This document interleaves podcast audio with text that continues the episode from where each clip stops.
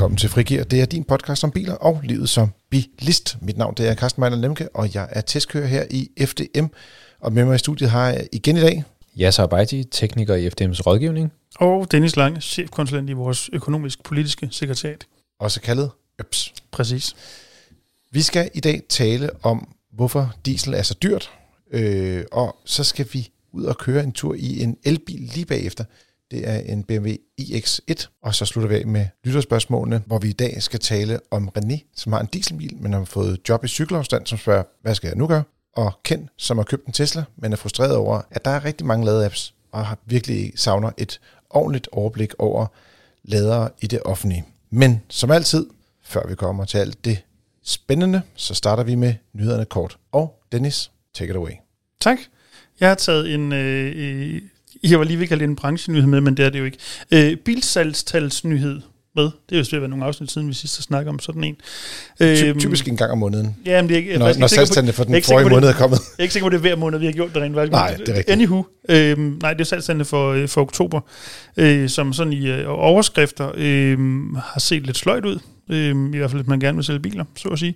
10.852 helt nøjagtigt nye personbiler fik nummerplade på i øh, oktober, hvilket er 14 procent færre end oktober 21, øh, og 28 procent færre end oktober 20. Så øhm, det falder og falder. Det, det falder og falder. Og det er måske ikke så overraskende, for altså, det er jo ikke kun her i oktober, det har gjort det. Det er sådan lidt en generel, øhm, generel tendens. Indtil videre for 2022, så er der en nedgang øh, her i løbet af de første 10 måneder, en nedgang på 21 procent øh, i forhold til sidste år. Øhm, så ja. Yeah. Og hvorfor bliver der så ikke solgt biler? Det er der vel grundlæggende to grunde til, øh, som vores øh, kollega, forbrug, vores forbrugerøkonom Elias Stogro har udtalt sig i den her artikel, man kan læse om på fdm.dk, hvis man vil lidt mere i dybden med det. Men grundlæggende er der to grunde, sandsynligvis. Et er forsyningsproblemer, altså det kan stadig være svært rent faktisk at få den bil, man godt kunne tænke sig at købe. Og så øh, se det lyset af resten af verden, havde jeg sagt. Så øhm, alt bliver dyrt, og folk øh, øh, er presset på økonomien. Der er nok en del, der ikke lige nu springer på at skal købe en ny bil af samme årsag. Elbilerne til gengæld, de, øh, jeg var lige ved at sige, brager stadig fremad, hvis man kan gøre det inden for et øh, salgstal, der generelt er gået ned. Øh, men 68 slutter. 38 procent af de nye biler, øh, som fik lavet på i oktober, kan lades op, altså er elbiler eller plug-in hybrider. Øh, godt 2400 elbiler, godt 1800 plug-in hybrider. Så elbilerne har øh, i den grad overhalet plug-in hybriderne. Det er ligesom elbiler, at opmærksomheden lige så stille ryger over på, i modsætning til plug-in hybrider, som jo for et år halvanden siden lå, øh, lå foran i det kapløb. Det kan man også se faktisk inde på vores øh, statistik for vores hjemmeside, hvor der er, vi har sådan en, øh, en artikel med overblik over alle de elbiler, vi har testet. Mm. Og så har vi også en artikel, hvor vi har alle de plug-in hybrider, vi har testet. Ja. Og før i tiden, der lå de sådan tæt på hinanden, men der var altså lidt i forhold til, hvor mange der klikkede på det. Læste Hvor mange klik eller visning, ja. eller hvad man ja. nu kalder likes, er der ikke rigtig noget af i den verden. Det er jo, der er ikke nogen, der kan lide noget som helst derude. Men det er også lige meget. Øh, men, men finten er bare, at nu er plug-in hybriderne begyndt sådan virkelig at, at dale, og folk går ikke så meget ind og kigger på de øh, test længere, hvorimod elbilen stadigvæk er, er en af de mest øh, læste sider, vi har. Ja.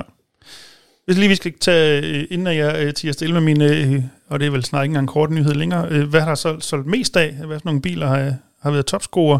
Hvis vi kigger på den øh, generelle liste, altså alle biler samlet set i oktober, så er det Toyota Aygo Cross, som ligger nummer et. Øhm, med en lille parentes bemærket, hvis man synes, at ID4 og ID5 Volkswagen er samme bil, så, så, så ligger den nummer et. Men det kan man jo så diskutere fra her til juleaften, om det er en bil eller to biler. Ja, de, yeah. bliver, de, bliver, de bliver registreret under forskellige navne yeah. i hvert fald. Så. Præcis, præcis. Men ellers øh, top 3 hedder øh, som sagt Aygo Cross på førstepladsen, og så er det Volkswagen T-Cross og Toyota Yaris på tredjepladsen. Øhm, kigger vi på elbilerne, så er det øh, Volkswagen-gruppen, der kan være glade for det. Nummer 1 er Audi Q4, og så er det henholdsvis øh, Volkswagen ID4 og ID5. Og hvis vi lige skal tage plug-inerne med, så er det Ford Kuga på førstepladsen, som det nærmest altid har været, havde jeg sagt.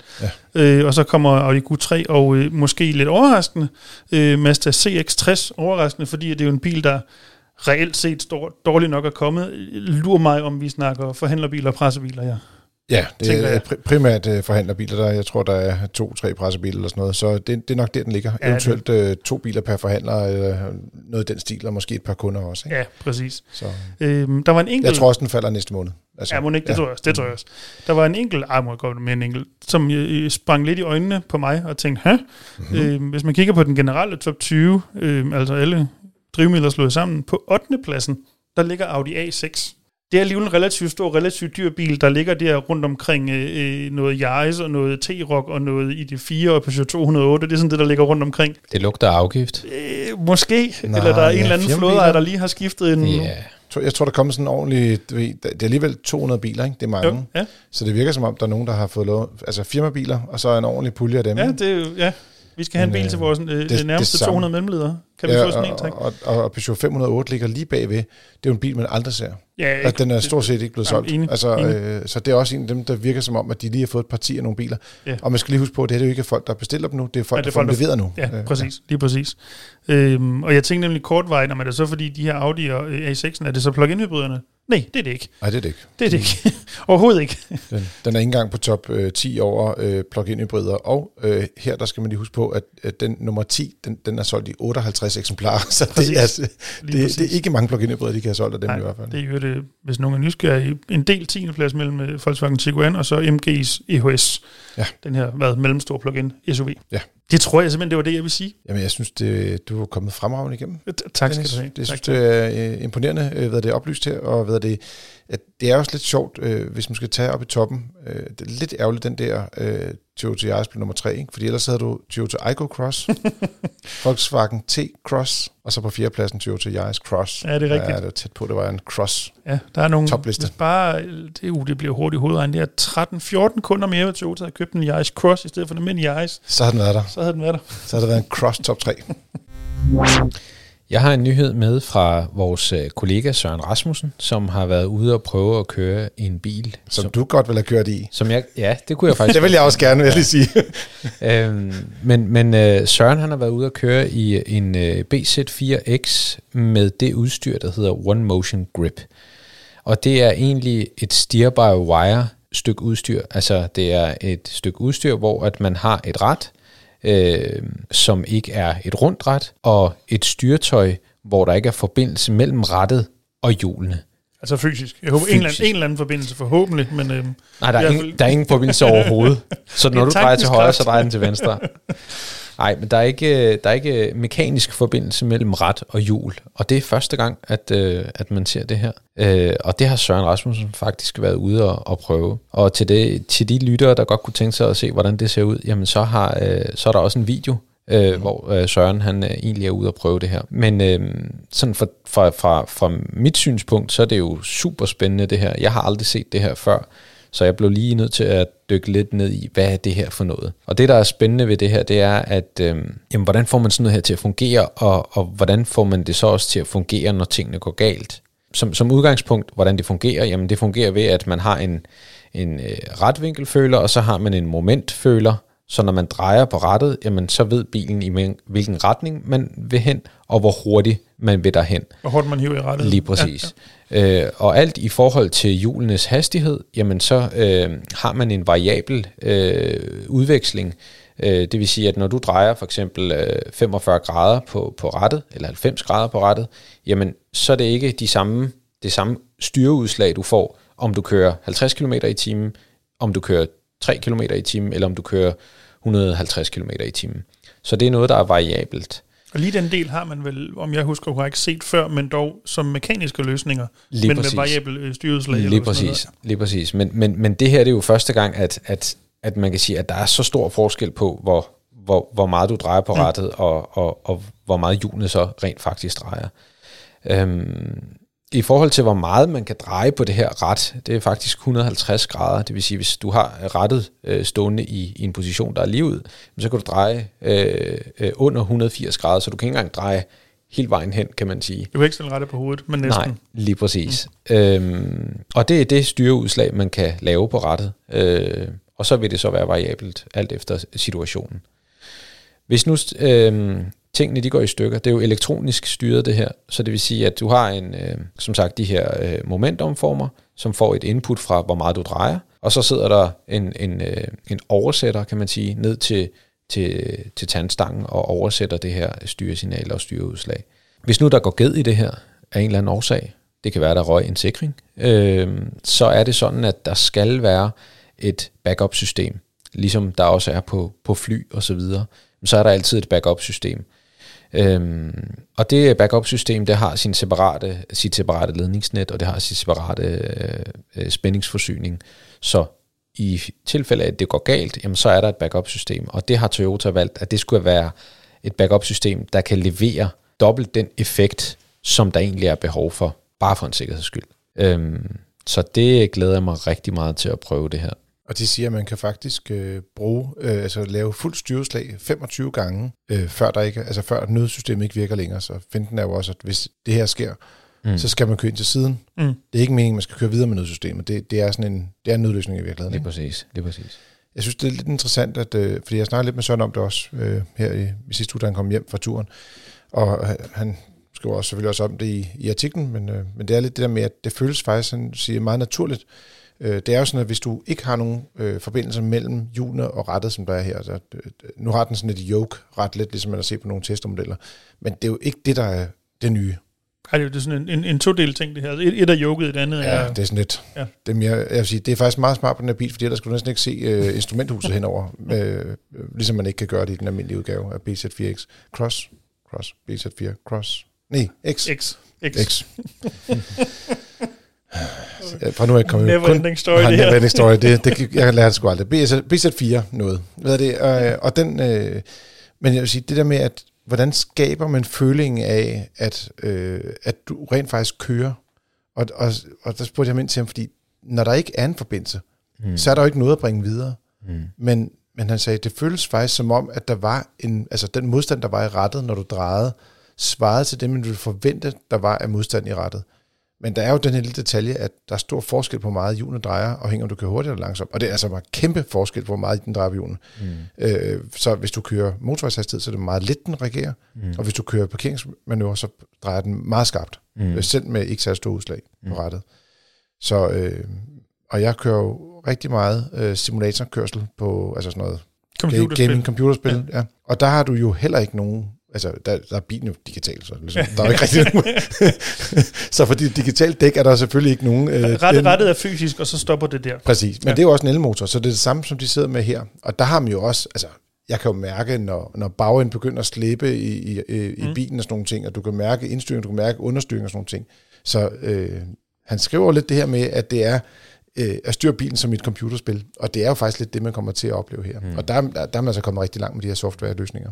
Så det er jeg meget spændt på at se. Hvordan, er, hvordan er følingen? Det synes jeg er interessant. Man kan sige, det er jo også meget af det, som vi oplever, når vi træder på bremsen i en elektrisk bil. Ikke? Fordi når du træder på bremsen, så, så bremser du jo sådan set ikke. Du får sådan en føling af det, og der sidder nogle, nogle, nogle sensorer. Altså, nu er det ikke sådan, at man ikke bremser, men, altså, men, men du, du farten, farten forsvinder stille og roligt. Øh, ja, ja men, jo jo, men, men, altså, du, men du, du bruger du ikke bremser, bilens bremser. Nej, men du bruger ikke bilens bremser, og, og man kan sige, det er jo en simulering. Altså, mm. Det er jo en simulering af, jeg vil gerne bremse med en sådan sådan øh, kraft. Og det er jo så det, der bliver oversat i de her sensorer, mm. og så går det ned til din elmotor og til din bremser. Men det er bare sjovt, at det så er også er kommet til styretøjet nu. Hvis jeg må så, øh, med far for, kære lytter, og jeg beklager virkelig for den næste øh, ene minut, men det må du så bære over med lige i det her tilfælde. Rigtig mange biler, de har en utrolig dårlig fornemmelse af bremserne mm. i pedalen. Du, ikke at du ikke bremser, det er ikke fordi, de ikke reagerer på det, men uanset om det er elbiler, eller om det er benzin-dieselbiler, så når du trykker på bremsen, så har du ikke rigtig en god fornemmelse af, hvor meget du trykker på bremsen. Og så en gang imellem, så prøver nogle biler, hvor det er, at de har for eksempel seks stemplede, stemplede kalibre, altså simpelthen nogle, nogle bremser, hvor der er, der er nogle flere, øh, hvad hedder sådan noget? Det hedder stempler. Ikke? Stempler, som, som trykker ind på, på skiven. Mm. Og så kan du rent faktisk mærke, hvor meget tryk du har på bremseskiven. Mm. Ikke at det er tungt eller hårdt, men du har en føling med det den er stort set væk i alle biler i dag. Der findes næsten ingen biler, der har en, nogle rigtig gode bremser øh, på, på markedet i dag. Og det er også derfor, jeg tror lidt på de her elbiler, hvor det er, at folk ikke lægger mærke til overgangen. Det er fordi, den føling er væk i forvejen. Mm.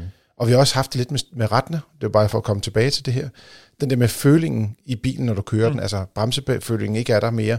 Men i rettene har, har du også haft de her ekstremt kraftige elservoer, som er ligget på de fysiske øh, ret, øh, retstammer, ret, ja, tand, tandstangen ja. og sådan nogle ting. Det er ja. ja.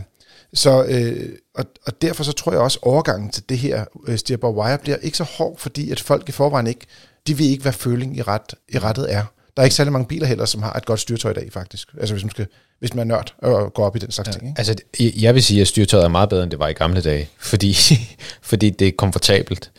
Ja, og Øh, du kan også sige, at der er ikke så meget slør i det, og der er mange tekniske Ja, ting, som ja, gør ja. det bedre, men følingen, hvis du tager en, en Porsche fra 73 med tændstangstyring, og der ikke er slør i den, det kan du ikke røre. Nej. Altså, den, den føling med, med, med skal man sige, fornemmelse af, hvor bilen er på vejen hen, den, den får du slet ikke i dag. Men det er jo til dem, der kører på track, ligesom dig, Carsten. Det er jo ikke til Dennis og jeg, som tuller rundt i Jamen, trafikken. jeg, jeg tror også, man bliver, det, er, det er derfor, man har, man har gået i den retning, at man godt vil have mere øh, komfort nu. Mm. En bil til track, og en bil til at, at køre til Man kan vel sige, det er i hvert fald sådan, jeg har det, at jeg anerkender alt det, du lige sagde der, Carsten, omkring øh, sådan, øh, kan sige, præcisionsfølelsen af bremser og styretøj og så videre, det, det er jeg helt med på. Men, men hvis vi lige tager, lægger det til side et kort øjeblik, Ja, og sådan, som jeg så siger, hvad almindelige mennesker gerne vil have, alt det her steerbare wire, breakbare wire og så videre, succeskriteriet må være, at man ikke mærker, det er der. Mm. Altså det bare føles fuldstændig naturligt som, at der mm. var en fysisk forbindelse. Ja. Og det var det, Søren sagde. Så, Ja. ja. så det, øh, ifølge den øh, test, han har, vi har haft mulighed for at lave indtil videre, som var på en aflåst areal og alt det andet, der fungerer det. Og, og så glæder vi os til at se det i trafik, når det kommer til næste mm. år. Jeg har en lille nyhed med, som jeg tror, vi muligvis kom lidt ind på i sidste uge. Det var iWays U6, som var sådan en coupé-udgave af deres U5-model, men med et noget anderledes øh, design, og ikke mindst en meget speciel øh, gearvælger. Jeg synes helt klart, at øh, den, hvis man går ind og kigger på FDM.dk, kan man selvfølgelig læse hele artiklen omkring øh, bilmodellen. Øh, men jeg synes, den helt store forandring øh, på den her øh, U6-model i forhold til U5-modellen, som kom før, øh, umiddelbart tænker man jo, det er designet udvendigt, den ligner måske sådan lidt en wannabe øh, Audi bagfra. Men i kabinen, der har de simpelthen fået fjernet øh, de forfærdelige, øh, den forfærdelige instrumentering, der var i U5'eren. Øh, og så har de i øvrigt også lavet en, øh, en større skærm til at styre øh, deres, øh, deres medier. Og der vil jeg sige tak øh, på alle bilkøbers vegne. Tak for det. Også for den sorte pianolak. Stort tak for det. Det er der da også i, i der USA. er der masser, af- der er der pianolog i begge to. Ja, der er bare øh, 6 kvadratmeter mindre. Fair Så, så, Jeg tror, du har ret i, der er mindre. Der er stadig, men jeg tror, du har ret i, der er mindre. så burde de sænke prisen, fordi så er den jo ikke lige så god. Ja, så det skal du huske på. men, men grundlæggende er der tale om, om, om samme teknik og samme batteristørrelse, og, og de siger også, at rækkevidden er omkring 400 km, da vi havde den anden til test sidste vinter. Der kørte den ikke helt så langt, fordi at den har, var rimelig ineffektiv i forhold til at varme kabinen op. Øh, Så derfor så glæder jeg mig rigtig meget til at, at prøve bilen, øh, og jeg håber, vi kan få den her i løbet af vinteren, hvor der var den anden viste svaghedstegn, øh, så vi kan ligesom få efterprøvet, om der er sket en, en fornyelse på det punkt i hvert fald. Det vil være interessant. Så øhm. Man kan i hvert fald sige på designet, der er i hvert fald sket fornyelse. Jeg, jeg tror, jeg har nævnt før, at de her SUV-kopier er vel ligesom i to kategorier. Dem, hvor man har ramt rigtigt designmæssigt, og dem, hvor man overhovedet ikke har. Den her er nok i den sidste kategori. altså overhovedet ikke har ramt rigtigt. Køn er den ikke. Okay, jeg siger ikke, det er årets den grimmeste U5? bil. Jamen, den kan jeg egentlig faktisk godt. Den synes jeg faktisk egentlig er okay. Det er jo ikke et, et smukt vidunder, men den synes jeg faktisk fungerer. Ja, så skal vi til at udpege en ny chefdesigner, fordi jeg tror, Ej, men jeg synes heller ikke, den her er flot, Carsten. Oh, Synes okay. du, det er en flot bil, den her? jeg synes faktisk, den er blevet mere øh, diskret forfra. Øh, øh, ikke helt så vanvittig at se på, og så øh, bagfra synes jeg faktisk, den er ok pæn. Altså, jeg synes, den er pænere i virkeligheden, end den er på billeder. Der, der er lidt med proportionerne, hvordan du tager med, øh, hvis det er et hvidvinklet kamera og sådan nogle ting, så kommer bagstolpen til at være alt for stor og sådan nogle ting. Når man står og kigger på den i virkeligheden, synes jeg, den, at proportionerne passer bedre. Jeg kan strække mig til, at jeg vil øh, have det en mente, at det muligvis de bliver bedre, når den ikke er gul. Så langt Jamen, det vil tror jeg også gør en stor forskel, også fordi den har nogle lidt øh, spøjs og sådan nogle gule striber ned langs med siden ved dørene, mm. sådan, øh, som er lodret øh, ned i et, et plastpanel. Det virker meget mærkeligt. Men øh, ja, uanset hvad, så kan vi sige, at der kommer jo rigtig mange af de her øh, elbiler fra øh, Kina, som iWays også øh, kommer, og øh, det er virkelig et, skal man sige, et felt, hvor der øh, er smæk på. De har øh, udviklet øh, deres øh, motor, sådan den har 218 heste, øh, i stedet for de 204, der var i øh, den tidligere U5'er. Øh, og så er det sådan, at 0-100-tiden, den er lige skåret lidt ned fra 7,8 til 6,9 sekund. Jeg vil sige, øh, det er faktisk ligegyldigt, hvad den kører fra 0-100. Det er rigeligt. 8 sekunder er meget pænt. Man har ikke rigtig behov for mere, vel? Nej. Ikke sådan det almindelige hverdagskørsel, der er det rigeligt. Og så kommer den kun i et øh, udstyrsniveau premium, som svarer til det højeste udstyrsniveau på søstermodellen. Den koster øh, 380.000, og det vil sige, at den er 30.000 dyrere end den ikke coupé-mæssige model. Men jeg vil også sige, jeg tror også, det er 30.000, jeg vil være villig til at betale, hvis man var i det her univers, for at få en, en bedre kabine og bedre instrumentering og øh, bedre større skærme og sådan nogle ting. Og mindre pianolak.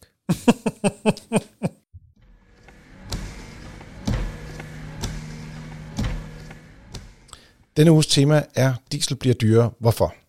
I gamle dage var det sådan, at benzin var dyrere end diesel, men en gang imellem, typisk i januar måned, så var det sådan, at dieselen blev en lille bit smule dyrere end benzin, eller måske kostede det samme. Men det var kun kortvarigt, og det var kun i vintermånederne. Men her hen over sommeren, der har vi jo set, at priserne på diesel er steget og har oversteget priserne på benzin. Det gjorde de faktisk, øh, det har de gjort flere gange i, i år, men lige nu er der faktisk en, en ret stor forskel i, i prisen på de to typer brændstof. Og øh, det er sådan, at man forventer, at grunden til, at dieselolie bliver dyrere, eller diesel bliver dyrere om vinteren, det er, at der er flere, der køber fyringsolie, og dermed så er det jo sådan, at øh, priserne, der er mere efterspørgsel på den type olie, som mm. læner sig op af diesel, og så ender priserne med at stige øh, om vinteren. Og derfor forventer man rent faktisk, at, øh, at den her skal man sige, højere pris på diesel kommer til at ligge, øh, gå ind i, i, skal man sige, i fyringssæsonen også, og ind i, hen over vinteren. Og, øh, og det ved jeg, I har snakket lidt om i jeres afdeling med de økonomisk-politiske briller. Jamen, det, det er rigtigt. Det fordi er jo... at øh, FDM har jo været lidt ude efter det her område, kan man sige, fordi vi kan jo ikke påvirke prisen på, på brændstoffer. Det er jo et globalt marked, det afgøres ja, i. Ja, ja, ja øh, på godt og ondt.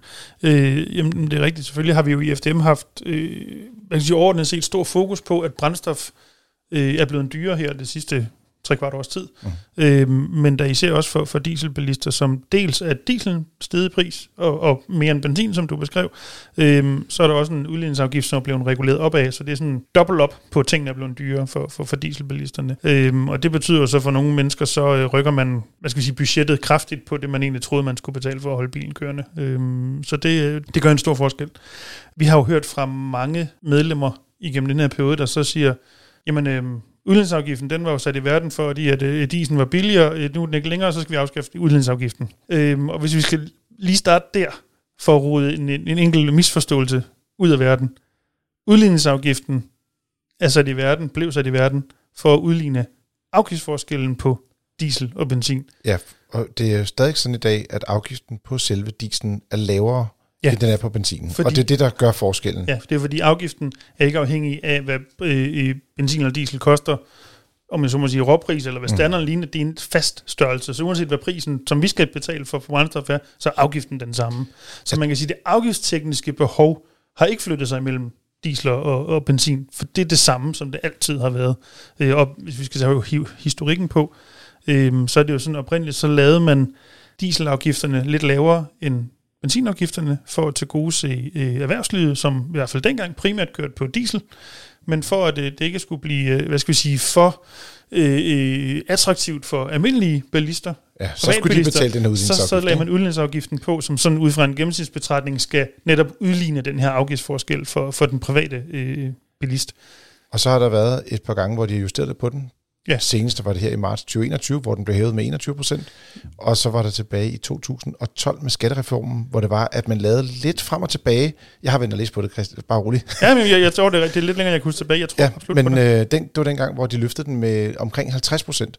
Så at den blev markant højere, og det var for at skabe et råderum, så de kunne øh, fjerne afgifterne på elbilerne blandt andet. Det var lidt ja. større. Det er en skattereform, har flere øh, ja, fædre, så at den, sidste, den sidste stigning her, det er en del af den her øh, såkaldte grønne bilaftale, som altså seneste gang, man lavede om på, på bilafgifterne her for, hvad bliver det efter en halvanden års tid siden yes. snart, der var det en del af den pakke. Ja, det var også en del af den pakke, ikke? Ja, jo. præcis. Så det, præcis. det er lidt det samme med trick, de har brugt to gange, men finten er bare, at man er blevet ramt lidt hårdere, når man har haft en dieselbil, især som privatperson. Ja, præcis. Men, men, det, ja, men det, som vi jo så siger, og jeg vil lige sige nu, øh, forstå mig ret, øh, fordi vi er i den verden, hvor vi er i, og selvom der afgiftsteknisk ikke er det her, skal vi kalde det behov, fordi afgiften er, som afgiften altid har været, i hvert fald i nyere tid, øh, så opfordrer vi til, at politikerne går ind på og ser på at suspendere udligningsafgiften midlertidigt, simpelthen for at komme, ja, han har sagt her, fru Jensen, øh, i møde i en tid, hvor meget er presset af høje priser, ikke mindst høje energipriser.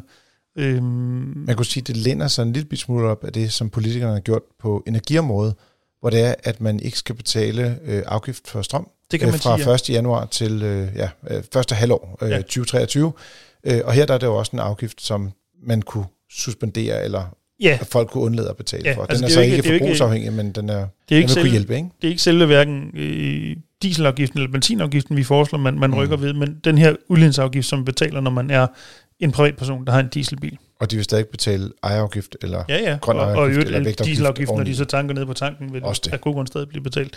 Øhm, men ja, det er vi som sagt ude at foreslå, at det øh, vil være en rigtig fin måde at, at hjælpe øh, den her befolkningsgruppe øh, en lille smule nemmere igennem vinteren blandt andet. Man kan sige, historisk set, så har benzinbil, vi har sådan en oversigt over det inde på vores hjemmeside, så hvis man gerne vil se lidt omkring, hvad der er sket med priserne på benzin, øh, og også på diesel, øh, i, det, man kalder en forbrugerpris, øh, så har vi simpelthen en oversigt over, der går helt tilbage til 1972, og så frem til 2021, øh, og så har vi lidt mere konkret noget fra 2021-2022, hvor man kan se det meget mere detaljeret. Så hvis man, man nemlig også kan se det her, hvor dieselen overhaler benzinprisen ret mange gange. Ja, præcis. Ja. Og især lige i øjeblikket er der mm. et rigtig stort øh, et gab derpå. Ja. Ja. Denne uges motorhjælp åbnes på en BMW iX1, og det er en ny elbil fra BMW. Det er også en bil, der findes bare ved navnet X1 med plug-in hybridteknologi og ikke mindst også med benzinmotor i Danmark. Men der kommer ikke en dieselvariant hertil. Det kan simpelthen ikke svare sig med de øh, afgifter, der er i Danmark, og den efterspørgsel, der er. Men det du siger, de laver den bare ikke til os? Præcis. Ja. Der, den findes simpelthen med flere forskellige øh, drivmidler, øh, drivlinjer, og øh, den model, som øh, vi har været ude at køre i, eller jeg har været ude at køre i, det er øh, den elektriske, og den hedder så iX1. Prisen starter på 450.000 kroner, og det er øh, måske mange penge, øh, men jeg, jeg ved ikke rigtig, om jeg synes, det er dyrt for bilen. Men det kommer vi nok øh, lidt mere ind på senere. Den har øh, firehjulstræk, den har 313 hestekræfter, den går 0-100 under 6 sekunder og kører 180 km i timen på toppen. Batteriet det er mellemstort, måske ikke så stort for den her bilstørrelse, det er på 65 kWh, og så har den en rækkevidde på ca. 440 km. Og så kan den lade relativt hurtigt ude, det er omkring 130 kW, det er mange tal. Den lader pænt, uden at det er ekstremt prangende. Og så lader den hjemme, ligesom alle andre moderne elbiler, der har tre faser. Ballet er frit, drenge. Hvad siger I? Jeg synes, den er fed. Det er lige, øh, det er lige noget for mig. Jeg kan godt lide den der bil. Jeg var også øh, på ICAR Expo der, der fik vi ja. også lov til at se lidt.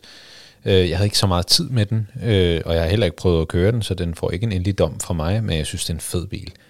Og øh, når man kigger på, at, at, at det er en premiumbil, og når man kigger på, hvad, hvad, hvad tilsvarende biler, altså i, i samme størrelse, koster, altså elektriske biler er jo ikke billige. Det, ko- det koster rigtig mange penge, øh, desværre, øh, stadigvæk. Og så kan man, så kan man sige, at hvis vi skal have en fornuftig premiumbil, øh, og sammenligner med konkurrenterne. Det kan godt være, at de måske ikke får den bedste rækkevidde ud af den her bil, men, men batteriet er jo heller ikke super stort, og det er der jo nødvendigt heller, altså nødvendigvis heller ikke grund til at have så stort et batteri. Øhm, men jeg synes jo, det er en bil, der sådan rent øhm, kvalitetsfornemmelsesmæssigt, så ligger den altså lige en tand højere end en del konkurrenter, der ligger i nogenlunde de samme øh, prisområde. Så jeg kan sige, en, en Tesla Model Y for eksempel, den starter også på 450.000 kroner, men så er det kun med, med bagstræk, og så også med deres lille batteri, der passer rækkevidden måske meget godt. Mm. Øh, så har de en version, der har firehjulstræk, og dermed matcher den her model lidt mere på, på performance. Mm. Øh, men den koster 550.000 kroner, mm. og det vil sige, det svarer stort set til den dyreste udstyrsvariant, der, der findes i, i Danmark. Den koster øh, cirka 550.000 kroner. Den hedder øh, Fully Charged, og den er simpelthen, i modsætning til alle andre, skal man sige, BMW'er, man har sådan øh, kendt til i nyere tid, loaded med udstyr. altså, selv metallak og anhængertræk er en del af standardudstyr i den bil. Mm. Det er noget, man ser. Øh, det med metallak er nærmest kun Subaru, der har kørt med som standardudstyr. Ikke? Og så er der øh, adaptiv undervogn.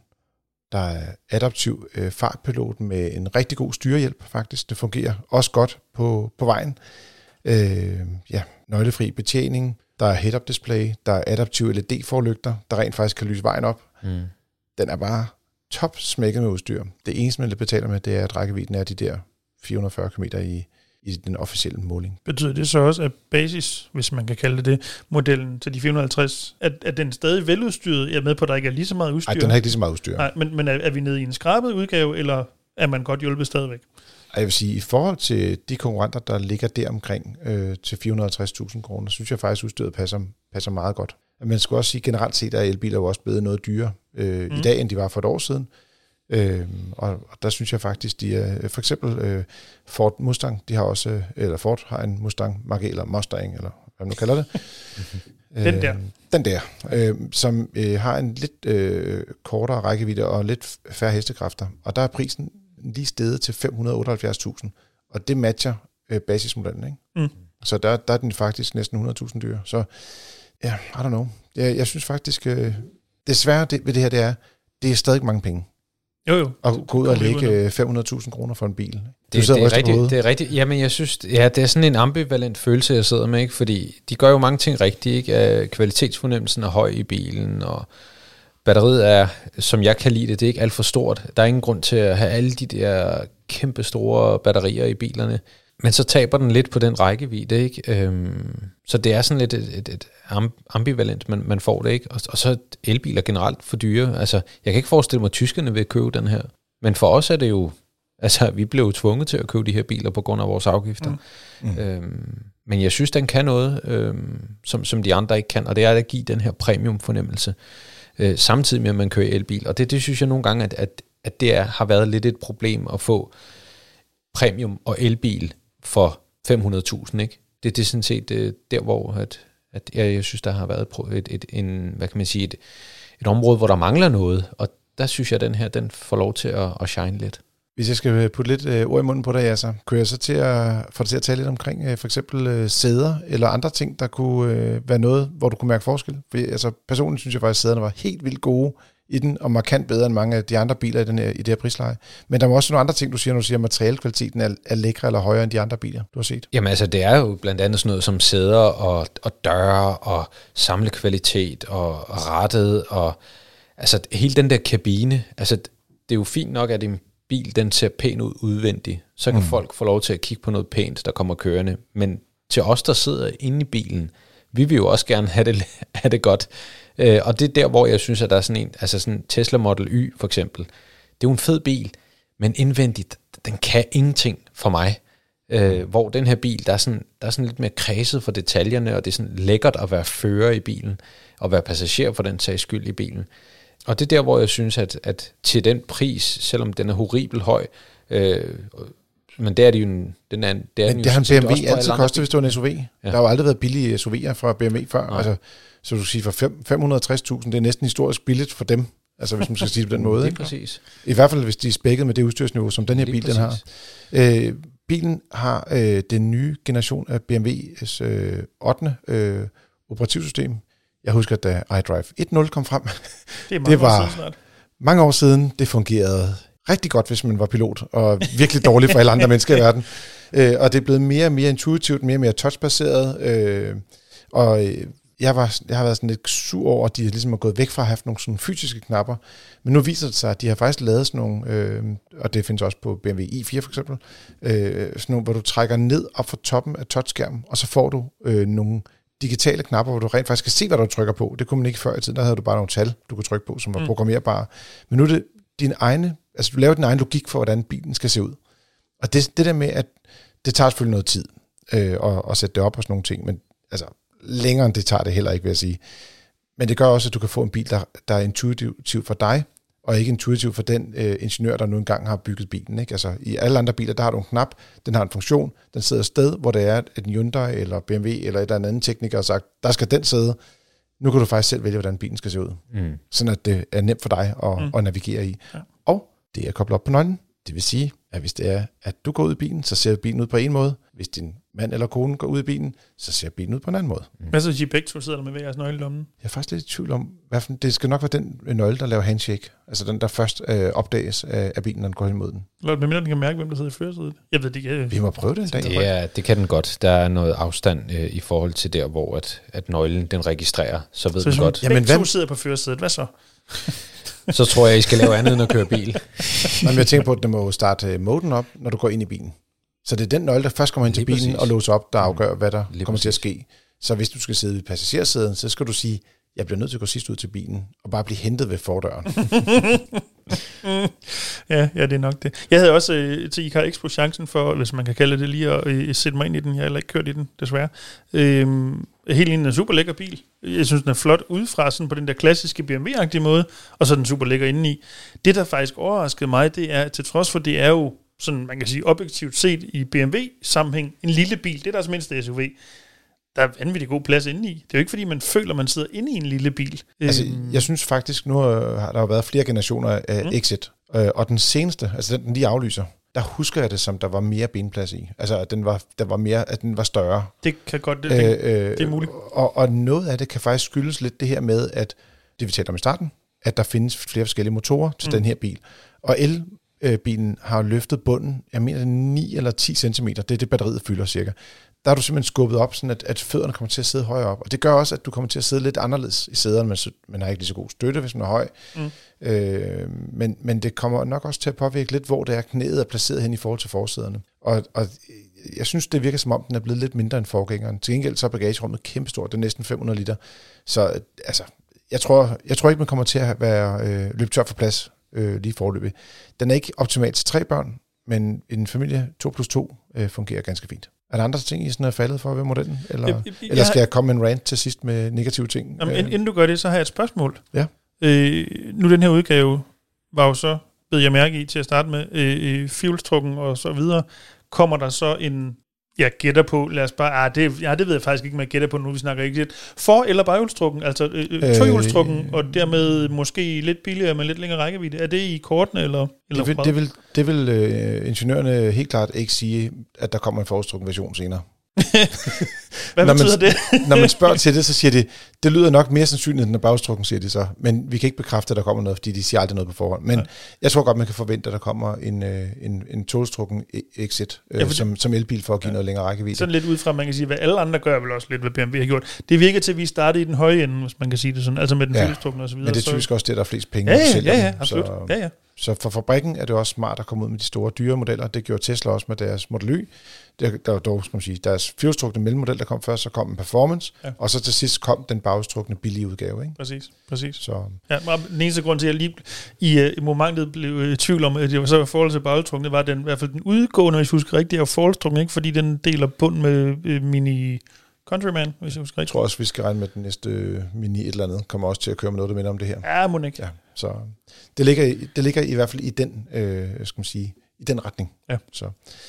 Nå, og det er også det, man skal sige, 450.000 for en fjolstrukken SUV, som er Ja. relativt stor. Det, er- det, der er ikke mange konkurrenter, der er markant billigere. Til gengæld har de lidt, lidt større batterier og en, en lidt længere rækkevidde. De kan måske køre omkring 60-70 km længere på en Altså opladning. man kan jo sige, hvis du skal have en bil, vi har snakket om en milliard gange i podcasten, en Ioniq 5, Hyundai Ioniq 5, i fuelstrukken udgave, og så lad os bare sige topudgaven, Ja. Så er du da i den grad deroppe i den pris også. Ja, og det er også derfor, og jeg synes faktisk, øh, det var lidt sjovt, fordi da vi var på den der biludstilling med IK Expo, nu bliver det måske lidt langt det her, men jeg synes også lidt interessant det her med, hvad, hvad er premium, altså hvad er luksus? Vi talte også om det sidste gang, det der med, at Hyundai og Kia er begyndt at løfte sig opad, Mm. og så skal BMW jo gøre, øh, ligesom Mercedes og de andre mærker, gøre endnu mere for at komme opad. Og der synes jeg rent faktisk, de lykkes med den her X1. Altså den er virke, altså den er meget luksuriøs mm. i, i, kabinen, ikke? Altså i forhold til de andre, man har fornemmelsen af, når du, når du trykker på nogle, øh, nogle knapper eller et eller andet i kabinen, så er det bare tight, og det er bare, altså det er meget tysk øh, mm. på, den, på den gammeldags manér. Mm. De ting, som den ikke klarer så godt, øh, og, og det er så lidt i småtingsafdelingen for nogen i hvert fald, det er, at der er simpelthen ikke nogen frunk i den. Det vil sige, at der er ikke et øh, bagagerum under øh, den traditionelle motorhjelm om foran, øh, og så er der kun to års garanti på bilen, øh, og der synes jeg simpelthen, at øh, bilfabrikkerne skal til at løfte sig lidt, fordi der er rigtig mange øh, bilejere, som vil begynde at få nogle problemer med alle mulige elkomponenter, og dermed ringer ind til jasser, øh, når bilen er over to år gammel, og du har reparationer, der kommer til at koste 30, 40, 50.000 kroner. Og det er ikke batteriet, vi taler om, det er alle de andre ting, der ligger rundt om. Så der synes jeg godt, de kunne tillade sig at være lidt mere luksuriøse på deres øh, garantivilkår også. Eller sagt på en anden måde, stå ved det produkt, de nu engang laver. Vi slutter den uge af med lytterspørgsmål endnu en gang. Vi har fået en mail fra René, som siger, øh, tak for en god podcast, den har han hørt, og han siger også, at nu har han hørt, hørt med rigtig lang tid i øh, Frigir her, og derfor kender han i parentes muligvis også det åbenlyse svar på det her spørgsmål, han kommer med. Han er gået fra motorvejspendling til cykelafstand på jobbet, og derfor har han en dieselbil holdende rigtig meget i sin indkørsel, som ikke rigtig matcher de nye kørselsbehov, som primært er kort ture, og en gang imellem kører de 160 km. Men det er kun et par gange om året. 10.000 årlige kilometer til det tekniske spørgsmål. Hvor lang tid kan bilen holde til det kørselsmønster? Ja så, vi starter der. Det kan jeg ikke svare på. så så nemt er det. Det er et godt svar, ja. Ja, men altså, det, det kan... Det, det, Ej, det, du, er godt, du, du vil gerne sige lidt mere, end det kan jeg ikke svare på, ikke? Det, jo, selvfølgelig vil jeg det. Dog. men, men det kan jeg ikke svare på. Øh, det er ikke til at sige, øh, fordi man kan sige, at en bil, der allerede har kørt øh, knap 190.000 km, er ved at være en brugt bil.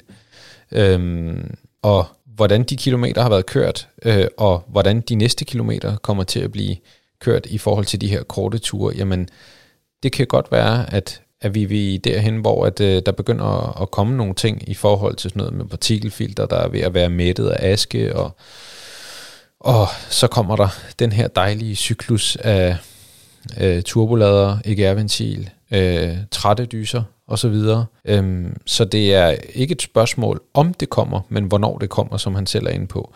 Øh, og jeg kan simpelthen ikke give dig et svar på, øh, hvor længe det vil tage at komme ind i den her dårlige øh, cyklus, kan man sige. Men man kan vel sige, måske hvis du skal sige lidt mere generelt om et kørselsmønster, der består af primært korte ture og 10.000 om året af en Det- det, så er det rigtige valg. Det er i hvert fald ikke det rigtige valg, nej. Og, og det, det er ikke godt. Men, men jeg kan ikke sige, om, om den her bil kommer til at køre 15.000 øh, kilometer før der begynder at komme noget, eller, det er fem, eller om det er 5, eller om det er 10, eller om det er 25.000 kilometer. Det kan jeg ikke sige noget om.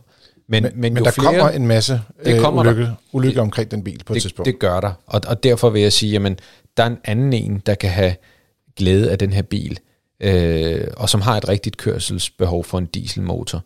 Og, og min anbefaling vil være, i forhold til hans næste del af spørgsmålet, øh, som er, om han skal skifte den ud nu, øh, uanset hvad, eller hvilken anbefaling det er, der vil jeg sige, jamen, hvis, øh, hvis det er, at, at der er interesserede øh, købere, og det er der jo til sådan noget her, jamen så er det at skyde den afsted med det samme, fordi bilen bliver kun mindre værd, øh, og, øh, og, og markedet, som det er lige nu og her, jamen det er på vej nedad. Så, og det er både på, på, på den bil, han skal sælge, og også på den bil, han skal købe. Så jeg vil anbefale, at man skyder den her bil afsted øh, ASAP. Det skal siges, at øh, bilen, udover at kørt ca. 190.000 km, er en Honda CRV med en 1,6 liters dieselmotor fra 2015. Han har overvejet, om han skulle købe en Skoda Enyaq, men har været inde på en Facebook-gruppe, hvor han sjovt nok er blevet skræmt af alle mulige fejl. Øh, ved det, og øh, dermed er blevet lidt nervøs, fordi garantien jo ikke er så lang, som vi også talte om faktisk lige før, med BMW iX1.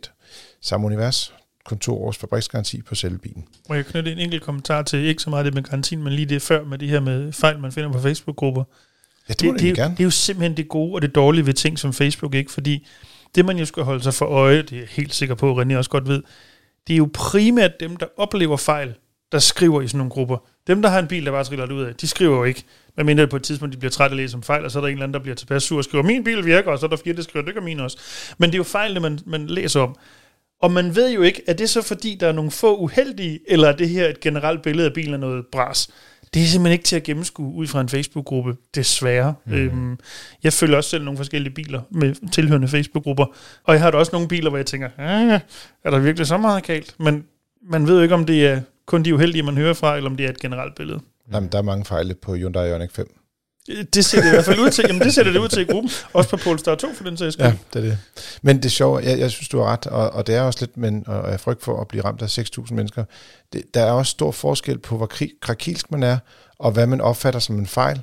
Og, og altså, øh, hvis man slet ikke har kørt i bilen, før man har købt den, og den rent faktisk har en måde at være på, eller en egenskab, som er dårlig, altså det er jo derfor, vi tester biler, mm.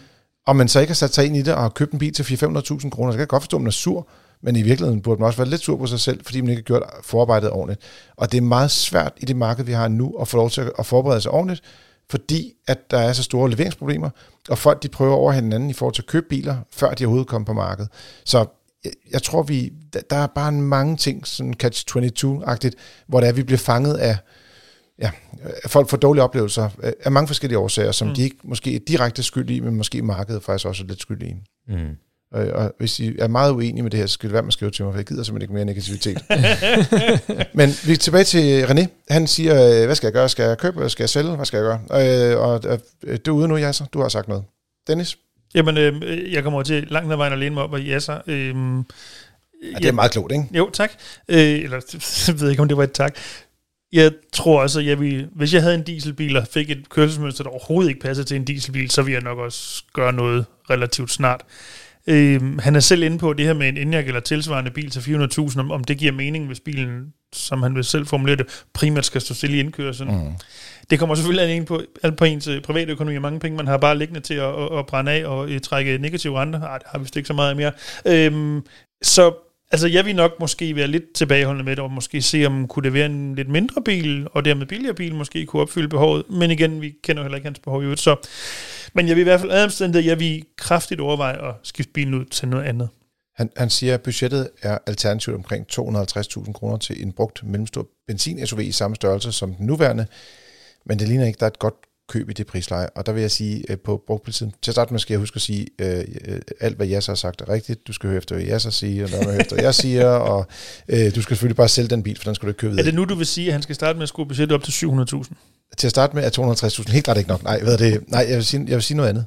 Øh, jeg vil simpelthen øh, gå efter at finde et øh, fornuftigt tilbud på at privat en bil, øh, indtil han finder ud af, hvad han egentlig har et, re- et reelt behov på de her biler. Og ja, så du kan også sige noget. Ja, du ja. er uenig. Ja, jeg er uenig. Jeg har fundet en bil, som jeg synes kunne være en, en fornuftig erstatning for den her bil, og det er en Skoda Karoq. Det synes jeg er en bil, som er fornuftig. Det er en god teknisk bil. Øh, vi oplever ikke mange øh, klager over, over de her biler.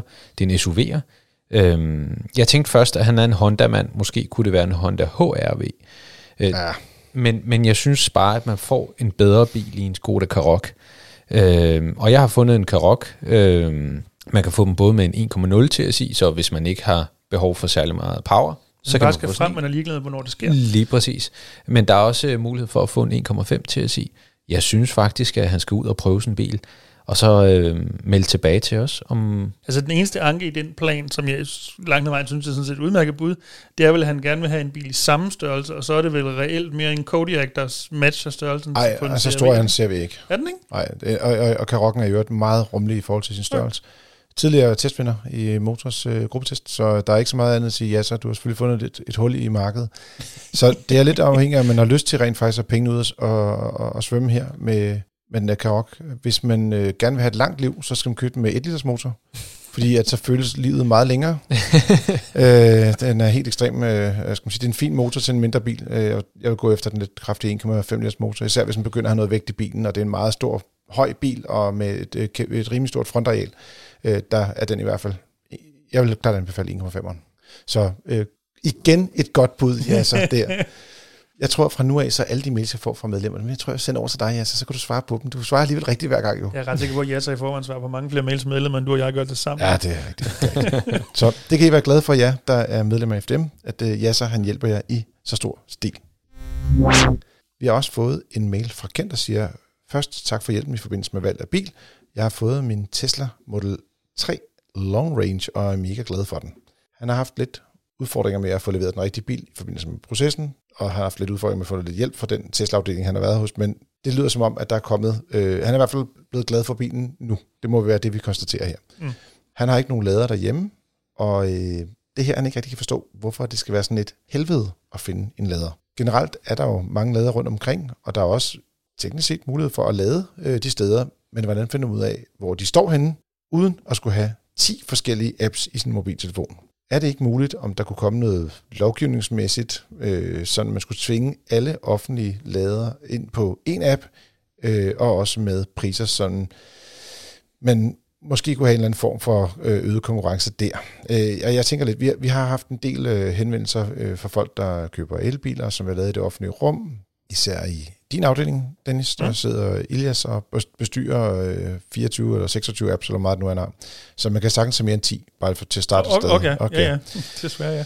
Men øh, ja, da, han kommer ind og taler noget om lovgivning, og så siger ja, så jeg vil sætte os tilbage. og så siger vi bare, take it away, Dennis. Jeg vil sige, Ken har jo helt ret i, at, at det er jo et, på mange måder, skal vi så kalde det uigennemskueligt marked, det her med at, et, det er to led i det, et, finde en lader, og to, komme til at betale for at lade ved den lader. Øh, hvis vi tager den første del først, det her med at finde en lader. Øh, ja, så vidt jeg ved, jeg snakker også lidt med dig, inden vi begyndte at optage mm. Carsten om det, og vi snakker også med også vores kollega Ilas om det.